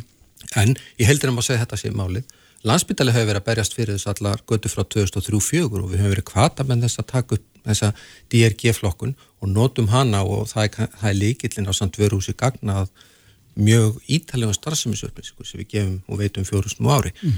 Um, nú, síðan 2016 þá ger ég samning við fórstur og sjúkratrygginga og þáverandi fjármálaráþara sem eru saman núna mm. og þáverandi helbriðsáþara Kristján Þór uh, skrifið upp á það og það var innleiðing að framleyslu tengdri fjármögnun.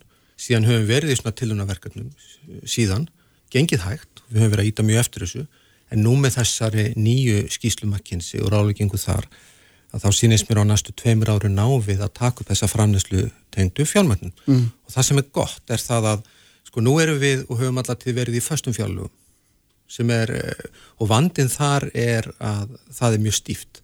Þú getur rauninni ekki tekið upp nýja hluti eða gert meira af nöðslunum hlutum það þarf verður aukast eh, nema með því þá annarkort að innan gæðsalapa betla meira fjö, fá meira fjö frá stjórnvöldum eða keira harðar, mm nýta það er þá betur sem við höfum gert í vaksandi mæli. En með því að hafa framlegslu tengda fram e, fjármögnun að þá fylgir auk, auknu læknisverkum aukinni innan gæðsalapa framlegslu e, meira fjö Eh, stjórnvöld eru... Því fleiri aðgerðið sem þið gerir þeim en meiri pening fáður. Já, stjórnvöld eru samt með stjórnina svona fyrir ramman. Satt okkur er falið það að velja hvaða er sem við, við vinnum að sangvæmt til þess að bæta helbriði en, en segjum til að landsbytali framleiði 40.000 eh, einingar það, mm. það sem að landsbytali gerir mælist í 40.000 DRG einingum á ári mm.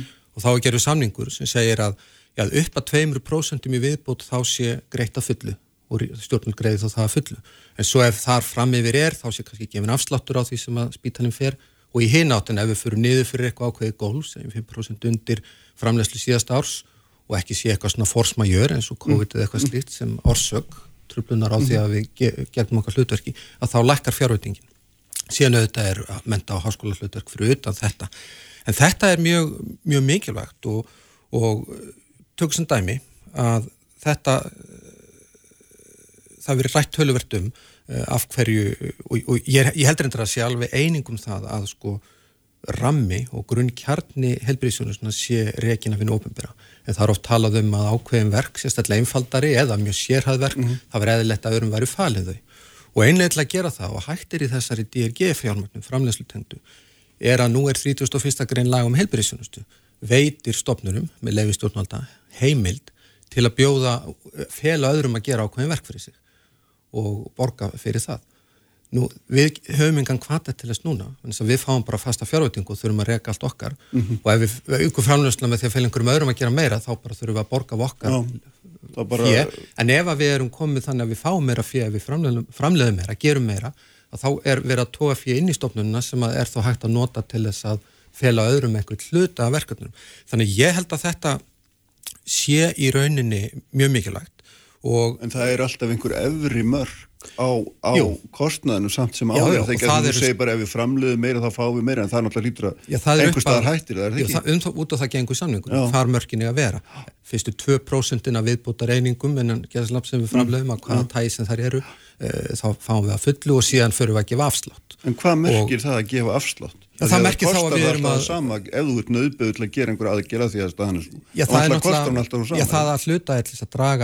ert vilja okkar til að framlega miklu meira vegna þess að það er ríkið hefur ákveð að fel ekki setja ekki meira fjöðið þann málaflokk hins vegar þá er náttúrulega þegar en meira þú, gert að því sama En þú ert alltaf með í helbriðsjónu þú ert ekki með það, þú getur ekki bara hæ Nei en á móti kemur líka það er ákveðin jáðarkostnaður mm -hmm. það er það að bæta við 11. aðgerinni kostar ekki 10% af því sem það fyrstu kostuð endilega. Það er jáðakostnað líka sem er gert þarna ráð fyrir. Mm. En ég held sem sagt að þetta er gott að því leiti að við erum núna á landsbytalinn eins og aðra ofinbæra heilbyrðisstofnanir í spennitregu vaksandi verkefna í raunni, spennitregu vannreitnara launabóta, gengisáhrifa, þetta er allt tekið á kassan í raunni hjá okkur mm -hmm. og það er verið að hagra það í nöysleiri heilbyrðisjónust á móti þessum áhrifum.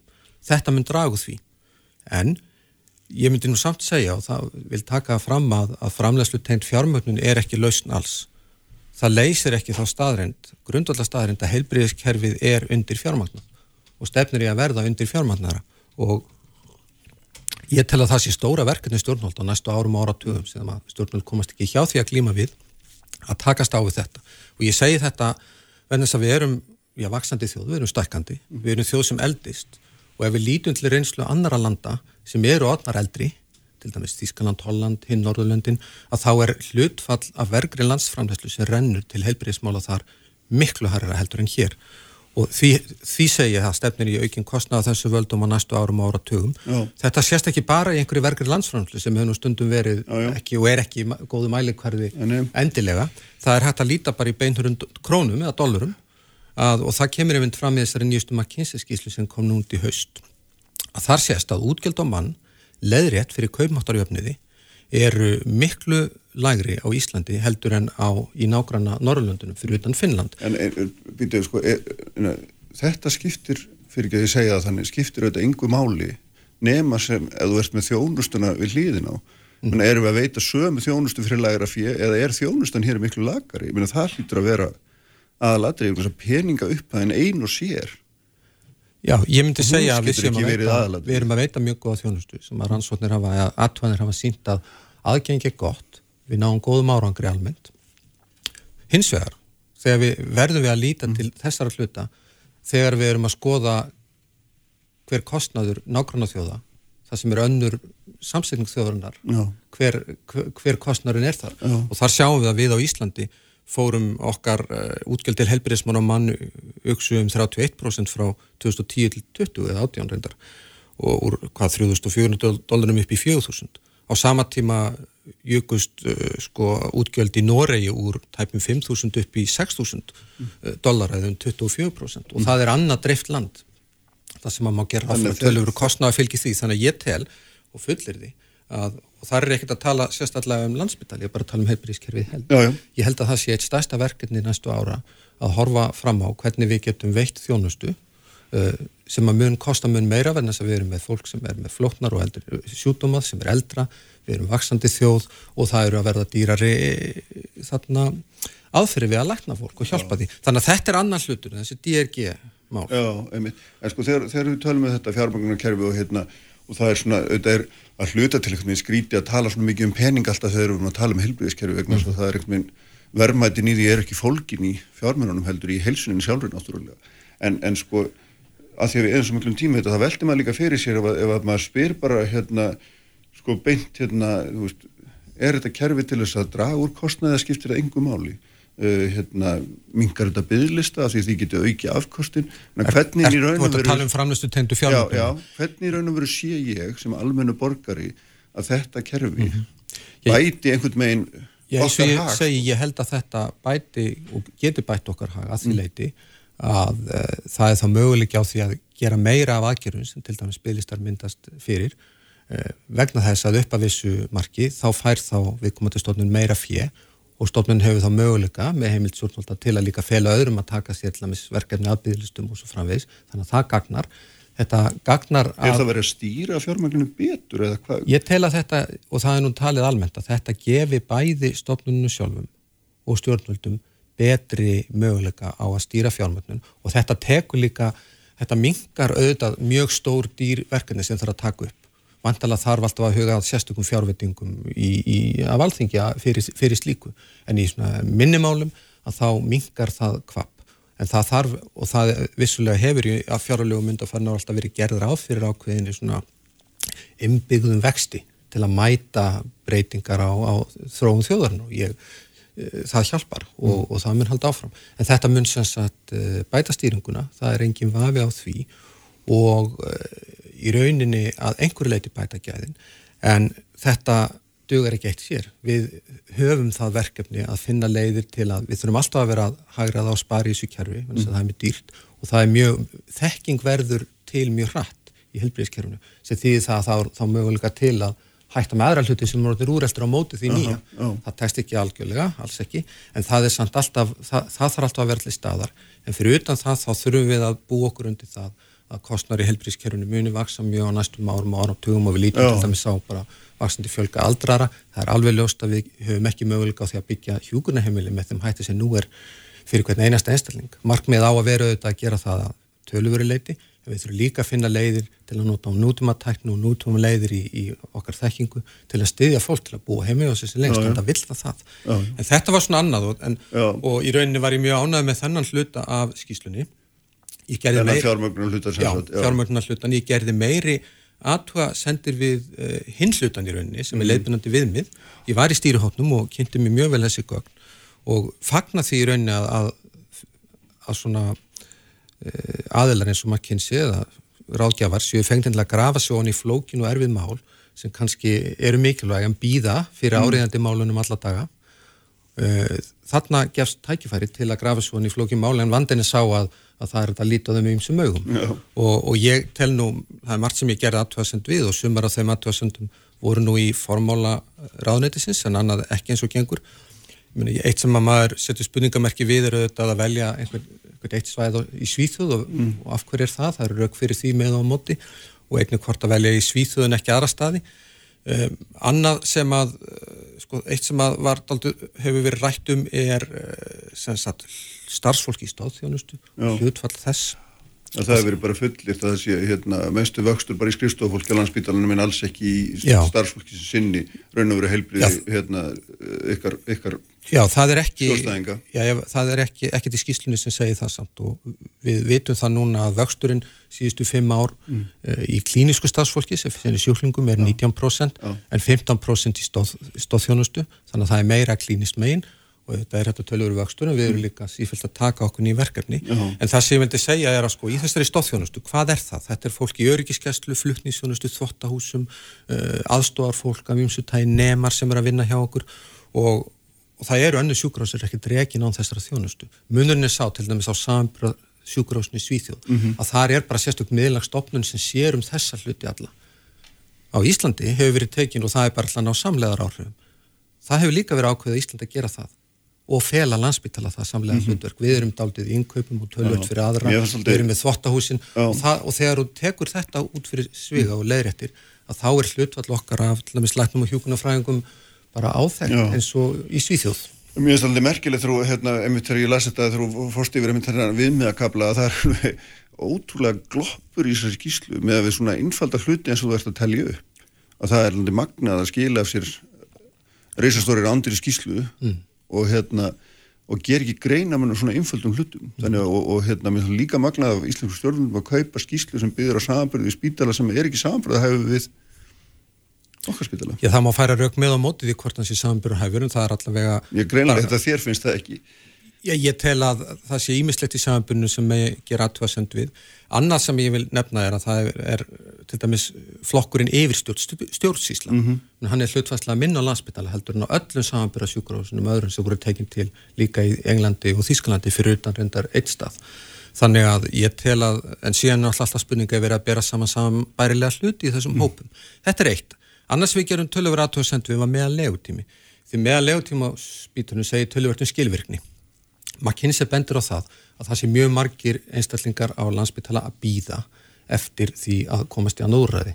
Hjúkuna heimili eða mm -hmm. endurhæfingu einhverju tægi ah. og við veitum það 1% rúmana hjá 1% sjúklingarna ber ábyrða 22% legudaga og þeir segja McKinsey alltaf átt að koma einn dagi meðan legutíma sem er annar staðar er það kannski mestalega 5 dagar þannig að það er hátt þannig að þeir taka öldunardeildur út fyrir að leiðrætta með því og þá fyrir meðanlegu tími spítalans neyri 5,7 daga. Við hins vegar segjum það þarf að skoða nánar eins að það eru líka fjölmarki sjúklingar á öðrum deildum sem er að býða mjög lengi áður en þeir fara öldunardeildum mm -hmm. og ef við bara tökum og skoðum meðanlegu tíma þeirra sjúklinga sem eru stittin 30 daga hjá mhm. okkur, það eru sjúklingar sem kom inn, fá lækningu og útskrifast þá er meðanlegu tímin hjá okkur 4,2 til 4,7 daga sem er vel sambarlegt við aðra og við sjáum það líka sko En nú er ástandið svo það er skilur, það er, fólki kemst ekkit annað já. þannig þá er þetta Þetta er raunveruleiki. Raunveruleiki. Þetta er raunveruleiki kerfisins í heilt. Já, já, já, ég segi en, það. En segir já, ekki mikið um sko, skilvirkni landsbytala.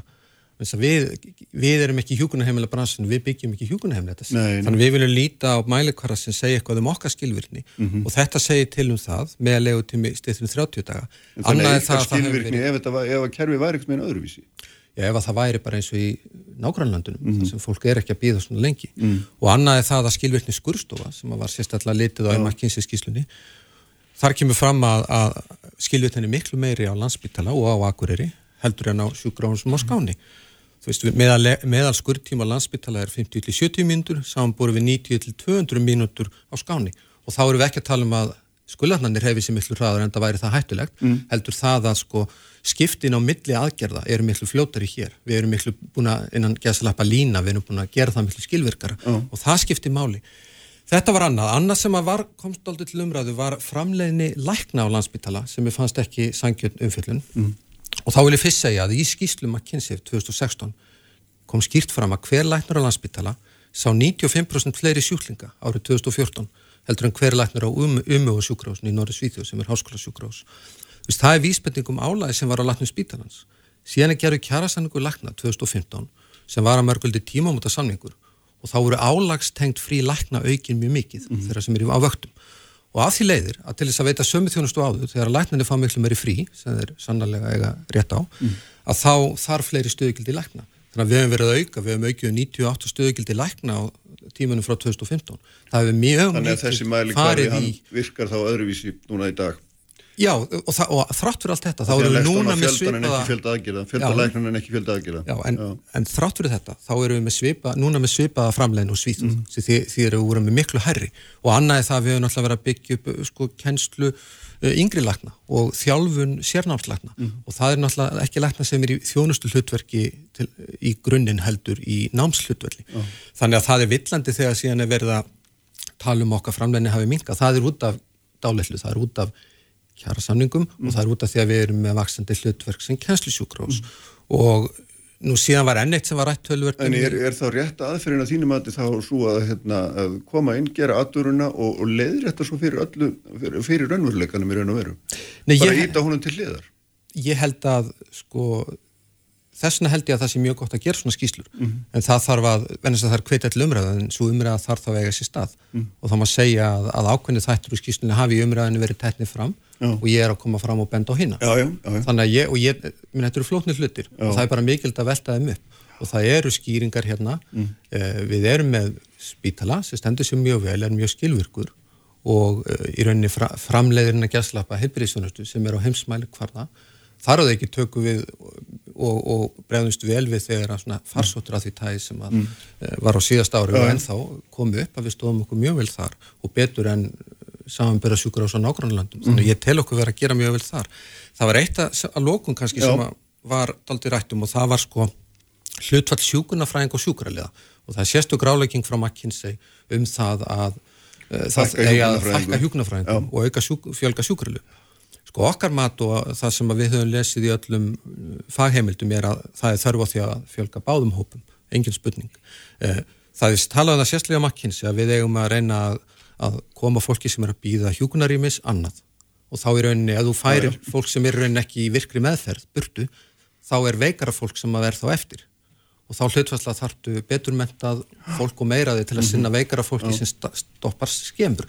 Þannig að við sjáum ekki að við eigum bæða að flytja einfaldari verkin í burtu og um leið að hætta að vera með eins velmenta starfsfólk. Það er ekki skynsam í því. Það er mjög mikilvægt að hafa velmenta hjúknarfræðinga, það tengis gríðarlega mikið örugum spítulum mm -hmm. og við teljum að, að þessi rálegging tekjum nú samhengi og sérstaklega bend á það að það er að færa verkefna millir hjúkralega hjúknarfræðinga fyrst okkur skrítið. Það, ég tel að það sé að gera það hluta en þetta á við miklu víðar þú veist að færa verkefni frá læknum til hjúknarfræðinga, mm. frá læknum til klíniskara livjafræðinga, hjúknarfræðingu til livjatækna, sjúkurallega allir starfsfólks í flutningum, þú veist þetta bara meðar almennt við það að starfsfólk okkar sinni þeim verkun sem það er sérþjálfa til og þá eru þá er fólk bara miklu ánæðar í vinnunni. Þessi skísli er bara ekki að segja það er nokkuð skapaðan hlut er það. Um, þú er búin að týna hér fjöldam sem verður bara, bara raung. Já, ég tel að DRG hlutin á skýrstunum sé eitthvað sem að maður á miklu trekkar að líta til. Já, einmitt. En sko hérna þegar þú ert búin að, sagt, taka upp hanskan fyrir spítal eins og þú gert hérna og, og, og þarna við byrjum alltaf á því að tala með að það vantir svo mikið pening og svo er byrjað að tella við framleiðum frábæra þjónustu, við erum fljótar að skipta á milli, við gerum þetta betur og þetta betur og þetta betur og endanum fer maður bara að velta betur, það kannski vantar bara enga peninga. Þetta er kannski bara svona frábælega áður að ef að við værum að sinna þeim verkefnu sem að mm -hmm. sér höfð sjúkrós og hér að sjúkrós, því við erum þannig að þetta er að sinna, já. ef við værum með þau verkefni engangu, þá væri vantarlega fjöð næjanlegt, en við erum alltaf, við erum við erum svona hotstein í litlu samfélagi Já. og þurfum að sinna fólki sem þarf á, sem á ekki önnur hús að venda að einhverju leiti og það er vissulega á, verið á fullu í því Já. að byggja bæði upp nýj hjúkunheimili, verið að þróa leiðir til að veita heimaþjónustu með skilvirkari hætti og betri og öfluri og það er svo smeilega verkefni en ég tel að, að við kæmumst mjög langt með því. En í millitíðinu þá erum við náttúrulega ákveðinni spennitreyju, uh, fastra fjallaga og sívaksandi verkefna framleyslu tegn fjármögnun mun hjálpa með það. Eftir sem að þá er stóri boltinn. Hvernig ætlum við að mæta nýri, nýjum kynnslóðum uh, á næstu áratugum? Það er verkefni stjórnvalda. en ef að, ef að þess að tækist að koma þeim sem ekki þurfa að vera inn á spítala en hafa fengið þjónustar áður út af spítalanum, þá gæti hann bara reykið sig á mjög svipum hætti og hann gerir í dag. Ég meina þar, þá verður að sinna því sem hann átt að vera að sinna en ekki, Já. ekki að taka þér auka hlut Já, það kemur líka annað þar inni sem er það að, að ef við gerum það og erum í framleyslu trengdri fjármögnun að þá í rauninni fyrir hvert það sem að í rauninni er bara að býða og fyrir út, þá kemur í staðan einhver í rúmið sem fær þjónustu sem telur inn í DRG einingakerfið Aha. og, fe- og því fylgir þá fél líka. Þannig að það er alveg þe- þetta, þessi nú- greiðslu Já, en aðferð virkar ágætlega mörguleiti hvers vegna er þetta ekki löngu komið? Nú skrifur til samling 2016 og nú segir mér þetta sé hérna ekki að taka þetta í, í fyrir 2023 en það er á sjö ár frá því þú skrifur það undir samningin uppalega því þú fyrir hans spítalans. Ég, ég get ekki, það er ekki vegna þess að við höfum ekki ít eftir því en ég held að þetta Er þetta svona flókið eða er þetta tregða, er þetta ekki pólitísku vilji, hvað, hvað ræður þessu? Ég held að þetta sé flókið og að koma þessu fyrir í ríkiskerfinu og, eh, en ég, eh, ég held að þurfa að vanda þetta vel. En við höfum svo sem verið með tilunamódel núna til að í rauninni átt okkur að hvernig það gengi í nokkur ár með sjúkratryggingum og okkur finnst orðið löngu tímanbært að fara á þessa leið. Mm Jómandi Páll, ég heldur verðum að hætta, það voru svona nokkur aðri viðbútt en tíminu hlaupin eins og oft er. Takk fyrir að koma. Takk fyrir. Uppspretta frétta á Sprengisandi á Bilginu. Bilgjan er með þér allan daginn. Kraftmikil umræða alla sunnudaga. Sprengisandur á bylgjunni. Sælinn hlustundur aftur, Pál Mattíasson, fórstjóri landsbytara fara frá mér en þau eru komin hér til mín Guðmundur Björgvin Gilvarsson og Guðrún Helga Harðardóttir. Guðmundur Björgvin er formaður einstakra barna og, og Guðrún Helga framkvæmdastjóri. Komið sælbless og velkomin bæðið. Sæl. Takk. Takk fyrir að taka mót okkur. Ha, Takk fyrir að taka Já, mót það er nú bara skaplega lítið og verið bara hjertanlega velkomin. Sko, við, hérna, uh, þetta er svona umræð, áframhaldandi umræðum heilbreyðskerfi, bara með allt örum augum, út, út frá allt örum hérna, sjónamöðum, sko, þessi, þessi félagsskapur sem þið eru í forsvari fyrir, sem eru einstök börn, hérna, þetta er stuðnisfélag barna og ungmenna með sjálfgefa sjúkdóma eða, eða þess að það og hérna, búin að vera til í hvað, 23 ár, 4 ár Ja, 20 24 ár, Já. 1997. og þetta eru 500 fjölskyldur, eru, eru 500 börn eða ungmenni þar á bak eða hvernig, Það eru 500 fjölskyldur þarna á bakvið, það Já. eru þá börn og ungmenni og, og nokkur, nokkur sem er orðin fullorðin Já. og síðan inn í þessum hópi eru einhverjar fjölskyldur sem hafa mist börni sín og, Já. og þekka af reynslu að eiga sjálf, barn með sjálfgefan sjúkdóm. Já, einmitt. Og, og þetta er sagt, þetta eru samtök, getur maður ekki sagt svona til þess að einhvern meina að reyna að klóra sig áfram í gegnum kerfi til þess að reyna að læra að skilja það og hjálpa, hjálpa staðið að finna út úr í hvernig best er að, að komast í gegn eða hvað. Er það ekki svona markmiðið? Jú, jú. Þetta er ekki, ekki fallega orðað hjá mér en nei. er þetta ekki nokkuð rétt en, samt? en auðvitað er það, auðvitað er það í sjálf sér uppálega þegar það er félagið að stofna 97 á 13 fjölskyldum að þá, þá er það þetta að fólk fann sig eða semst hafði ekki, hafði ekki skjól í öðrum félagum hafði ekki þennan segja, samtalsgrunn Mm. og fann sig knúin til að stopna samtökin til þess að miðla af reynslu til þess að berjast áfram og, og, og hjálpa hvert öðru í gegnum þessa erfiðu lífsreynslu. Þó ólík, af því að Já. þetta er um til að gríðarlega margar greiningar sem eru þarna bakvi Já. í, í félaginu. En, en þá, þá er samt svo margt sem er, eru sammeilið snertifletir sem að fjölskyldunda fara í, í gegn þetta Já. og, og það hefur náttúrulega líka verið hjá okkur að heila þessi tækifæri til þess að e, já, fóröldarinn verða náttúrulega sérfræðingar, það er bara þannig. Þeir verða sérfræðingar í sjúkdómum bata sinna. Já. þeir eru já, verðilega hálkýri lífjafræðingar þeir verða læknar, þeir verða sérkennarar Mm. þeir taka öll hlutverkin á sína hendi og verða sérfræðingur og miðla þeirri þekkingu áfram til annara fóreldra Mm. en auðvitað er við líka í, í baráttu sem er, sem er kannski óskaplega dapurt að þurfa að vera í er, er barátta við, við kerfin og það, það hefur í sjálf sem verið frá upphafi verið baráttu við kerfi um, um þjónustu til handa fjölskyldunum. Hvernig lítur helbriðiskerfi út og, og þessi kerfi? Þetta við erum að tala um helbriðiskerfi, velferðarkerfi, mentakerfi, mentalega líka er það ekki. Hvernig lítur þetta út frá eitthvað bæðadyrum? Er þetta að því að nú hérna, tölum við oftum að við hefum svo góð kerfi, Já.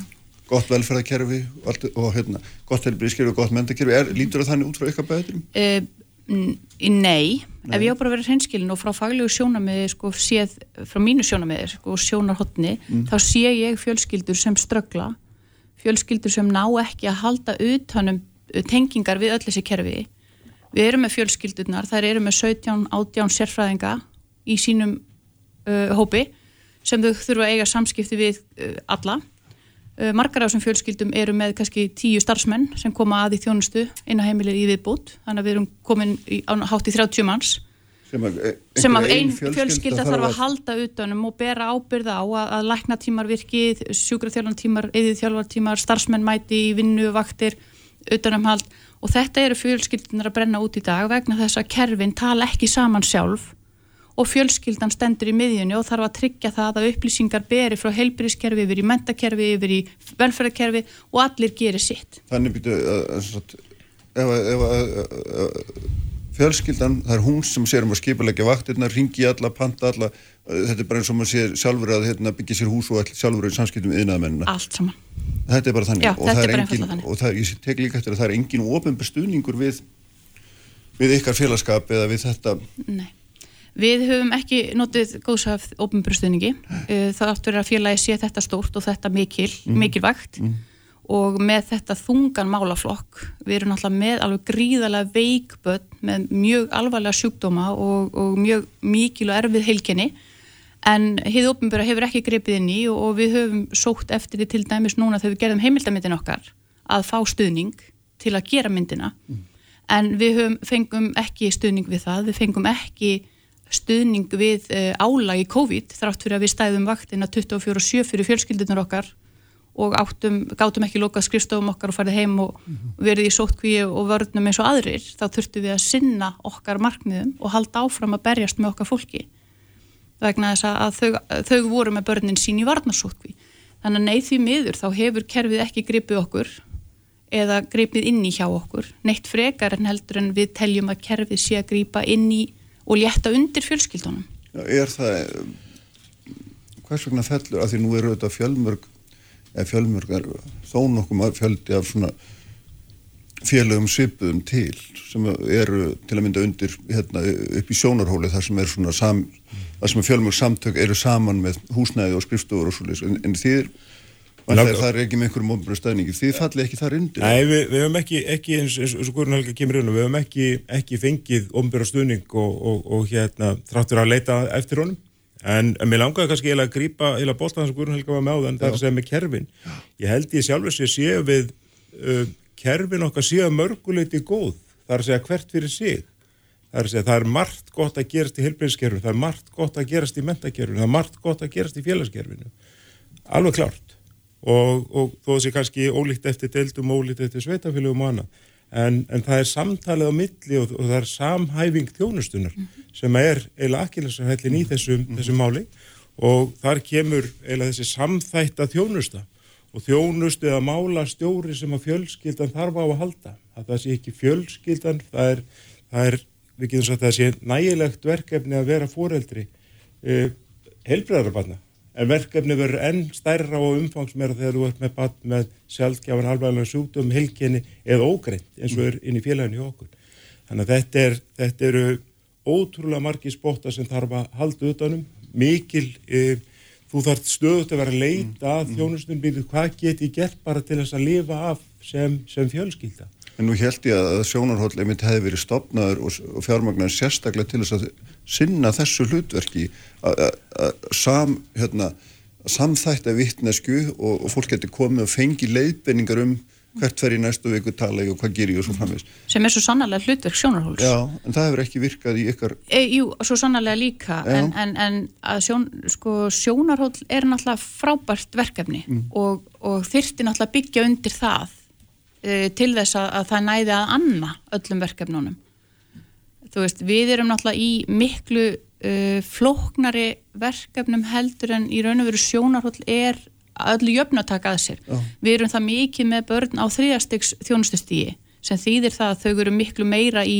læknisfræðilegu utanumhaldi heldur en uh, velferðar eða, eða skólamálum og, og við náttúrulega höfum svo sannlega marga fjölskyldu hjá okkur nýtt sér þjónustu sjónarhóls eins og ég segi en, en mörg af þessum börnum eru náttúrulega í mjög flókinni aðstóð og eru Já. minna í flóknum skólamálum Já. heldur en þau eru meira í flóknum velferðar og heilbreyðsmálum En á þessi þjónusta náttúrulega ekki í, í, í, í fakt á að náttúrulega ekki að vera e, hjá, hjá slíku, hvað við segja, apparati heldur auðvitað á þessi þjónusta að vera í þínu nærsamfélagi. Þetta er, Þú þetta er nú einmitt býrðu málastu... utan Reykjavíkur. Jú, jú, ég er eitt dreifilinu, þannig að það er, það er self, selfos hérna, Já, en, en, þó ekki en lengra það það, sko, en, en þetta er, þetta er málastjórin, hann, hann kemur úr nærsamfélagi fjölskyldunar. Þetta er, þetta er fullur úr félagstjónustu hvers svæðis fyrir sig. Af því að málastjóri það náttúrulega vera í beinu sambandi við fjölskylduna og þú veist að þú átt ekki að þurfa að leita til einhvers, auðvitað fínt að leita til óháð sérfræðings einhvers staðar til þess að bakka sér upp í að hlutinni séu rétt gerðir. En málastjórun kemur úr félagskerfinu sem að sinnir fjölskyldinu og það þá líka verða e, málastjórin fylgir þá líka því við náttúrulega verðum oft vör við þetta gap sem verður þegar batnum verður átjón en með því að málastjórun sé úr félagsstjórnstun þá, þá ætti það að koma til dæmis í veg fyrir, fyrir þjónustur of við átjónar aldur. Já, sem, er að, alltaf- sem, að, sem að við sjáum ansi oft í, í kerfinu og er, og er klárlega að gerast í dag. Já, að því að En- þegar félagi ykkar er stopnað þá er þetta stopnað utan um börn en svo er þetta eldast börn Já. og svo verða ungmenni og síðan fullorðin. Mhm. og þá náttúrulega vantarlega hérna, ekki mingar nú þarfin fyrir þjónustu við það verður vantarlega bara heldur áfram, ja, ekki spurning og- en, en við erum áfram þó með það þannig að, að um, það er börnin það er að segja þau sem komin í félagi eru börn en þá undir átjánar þegar, þau hérna sækjum í félaginu. Það hefur verið þannig. En það hefur já því þessi hvað, 15-17 ár sem ég hef stað, starfað í félaginu að þá hefur þetta verið algjörlega eh, alveg kýrskýrt að börn halda áfram en þó, þó sem hefur náðu átjánar aldrei að vera í félaginu, Við- kjósuðu það og fóröldra þeirra. Þannig að við, við horfum á þessi, þetta sé heilstætt og haldi áfram þessi, þessi þetta, félagskapur já, þetta árvekni áttak sem við erum með núna hver, hvað er svona eða ég mætti óska ykkur, hvað, hvað ætti að koma út úr því? Það sem að við vildum náttúrulega gerðna sjá er að við náttúrulega höfðum til þess að við erum fyrir utan ramman við viljum gerðna að rammin uh, sé vikaður og hann sé ekki kassalaga, hann sé náttúrulega bara óreglulegur og, og geti tekið utan um hverja einustu fjölskyldu óháð því hvort að hún passar eða tikkar í öll bóksin því að bóksin hjá okkur, við bara tökum matslista þegar við erum að meta uh, þörf og þjónustu fyrir barn eða ungmenni eða já, fullar neistakling þetta ánáttúrulega við um fleiri aldurskeið að þá er kassin sem er mertur við og haka við hjá kerfinu til að telja stig eftir því hvað þú far mikla þjónustu hann ábar ekkert við eins og um öll heilkenni hjá okkur. Menna, heilkenni eru til dæmis uh, kannski háð því að, að einstaklingur getur gengið um og gert hluti en hann veldur uh, beitir miklu ofbeldi eða á heimilinu eða heldur öllu í heljargreipum og, og þarf mikla þjónustu og stuðning við all, alla daglega þarfir þetta er bara eitt af því sem vantar inn í þessa matslista sem gerir það að verkum að þjónustan mm, er takmörkuð inn á heimilin. Og við viljum bara sjá að sveitafélagin og ríkið tali saman og loki fyrir þessi gráu svæði sem eru alþekkt innan sveitafélagana og, og ríkis. Það er stór gjá, gjá og, og það geta allir googlað það til dæmis sjálfur skoða gráu svæðin sveitafélagana, það er búið að taka saman skýslu um þetta. Og við virðumst falla á öllum stöðum í þessu gráu svæði og við viljum bara að þarna sé stoppa í stóra gatið og við fáum þjónustu sem er óháð einhverjum kassa. Þetta er, þetta er eiginlega sko, til, til matskerfi sís mats og kalla sem, sem ánáttúrulega geta metið í sjálfsög þú út frá því átt að geta séð hver, hver þjónustu þörfin er en þetta er kannski svolítið svona eins og Guðrun Helga segir sko kassarnir þurfa að geta aðlaga sig sko, þetta er kannski svolítið eins og barbapappi sko, að geta eða breytt sér bara með við þær aðstæði sem eru Já, í, í já, sjálfu sér. að, að sjúkdómar uh, barnana margir eru hördunarsjúkdómar og, og þjónustu þörfun eikst eftir því sem börnin eldast.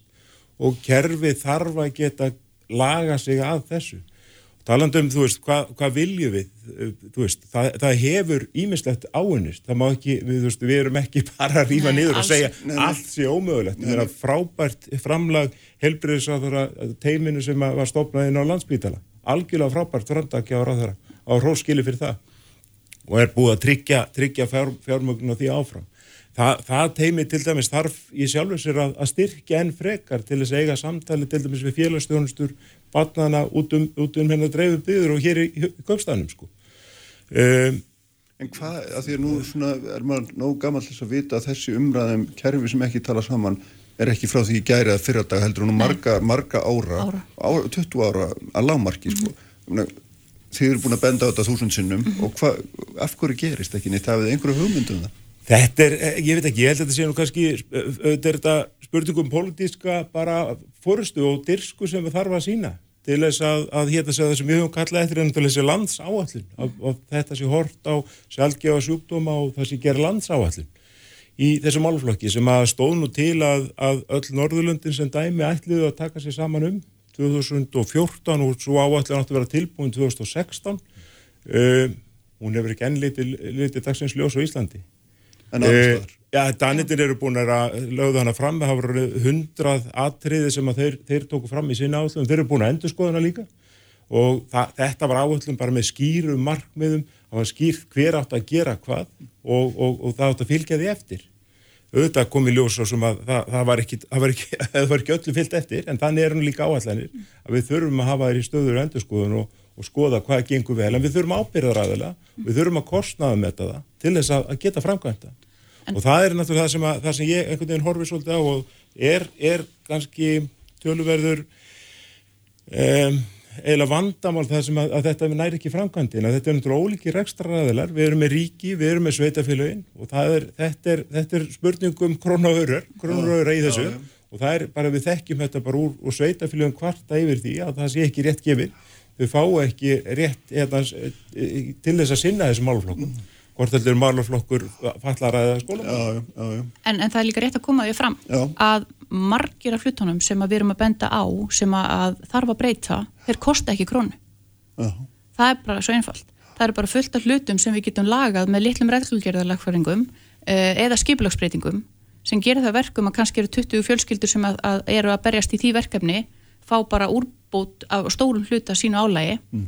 ef að hlutin eru reyðrættir og lagfærðir þetta þarf, það er ekki allt sem kostar peninga. Nei, svo getur nú kannski bara hugsanlega sko sparast fyrir ef að, ef að aðeila tala saman sko. Þannig að þetta er ekki endilega bara spurningum um útgjöld sko. heldur að verja krónunum betur og skinsanlegar þú veist í, í samtalenu sko. Mm -hmm. að, að við séum kannski ekki að vinna sömu hluti hjá tveimur eða þreimur aðilum. Mm -hmm. Heldur, með, með, það já, já, já, það er alveg slíkt og þú veist að það sé verið að vinna á ólíkum vikstöðum að eða sömu eða svipuðum hlutum sko. og ég held ekki að þú veist mála stjóri fyrir fjölskyldu gæti bara svo ég skilja þér að hann er ekki til í dag Nei. en þið eru orska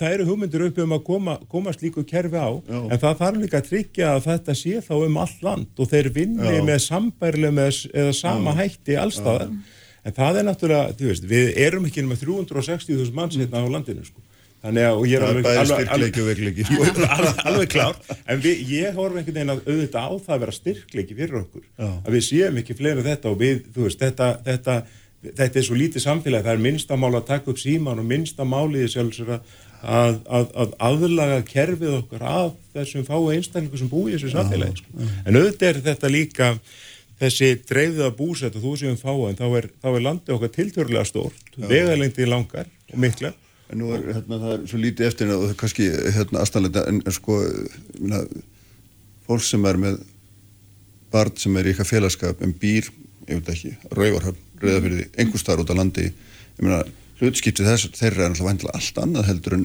fólk sem býr til dæmis hér, hér er all þjónusta og, og það er hérna Við erum alltaf bara búin við þann raunveruleika að þeir sem búa út á landi í dag, mm. þeir þurfa að sækja þjón, læknistjónustu til Reykjavíkur og, og almenna þjónustu til þess að gera þjónustu áallir og annað.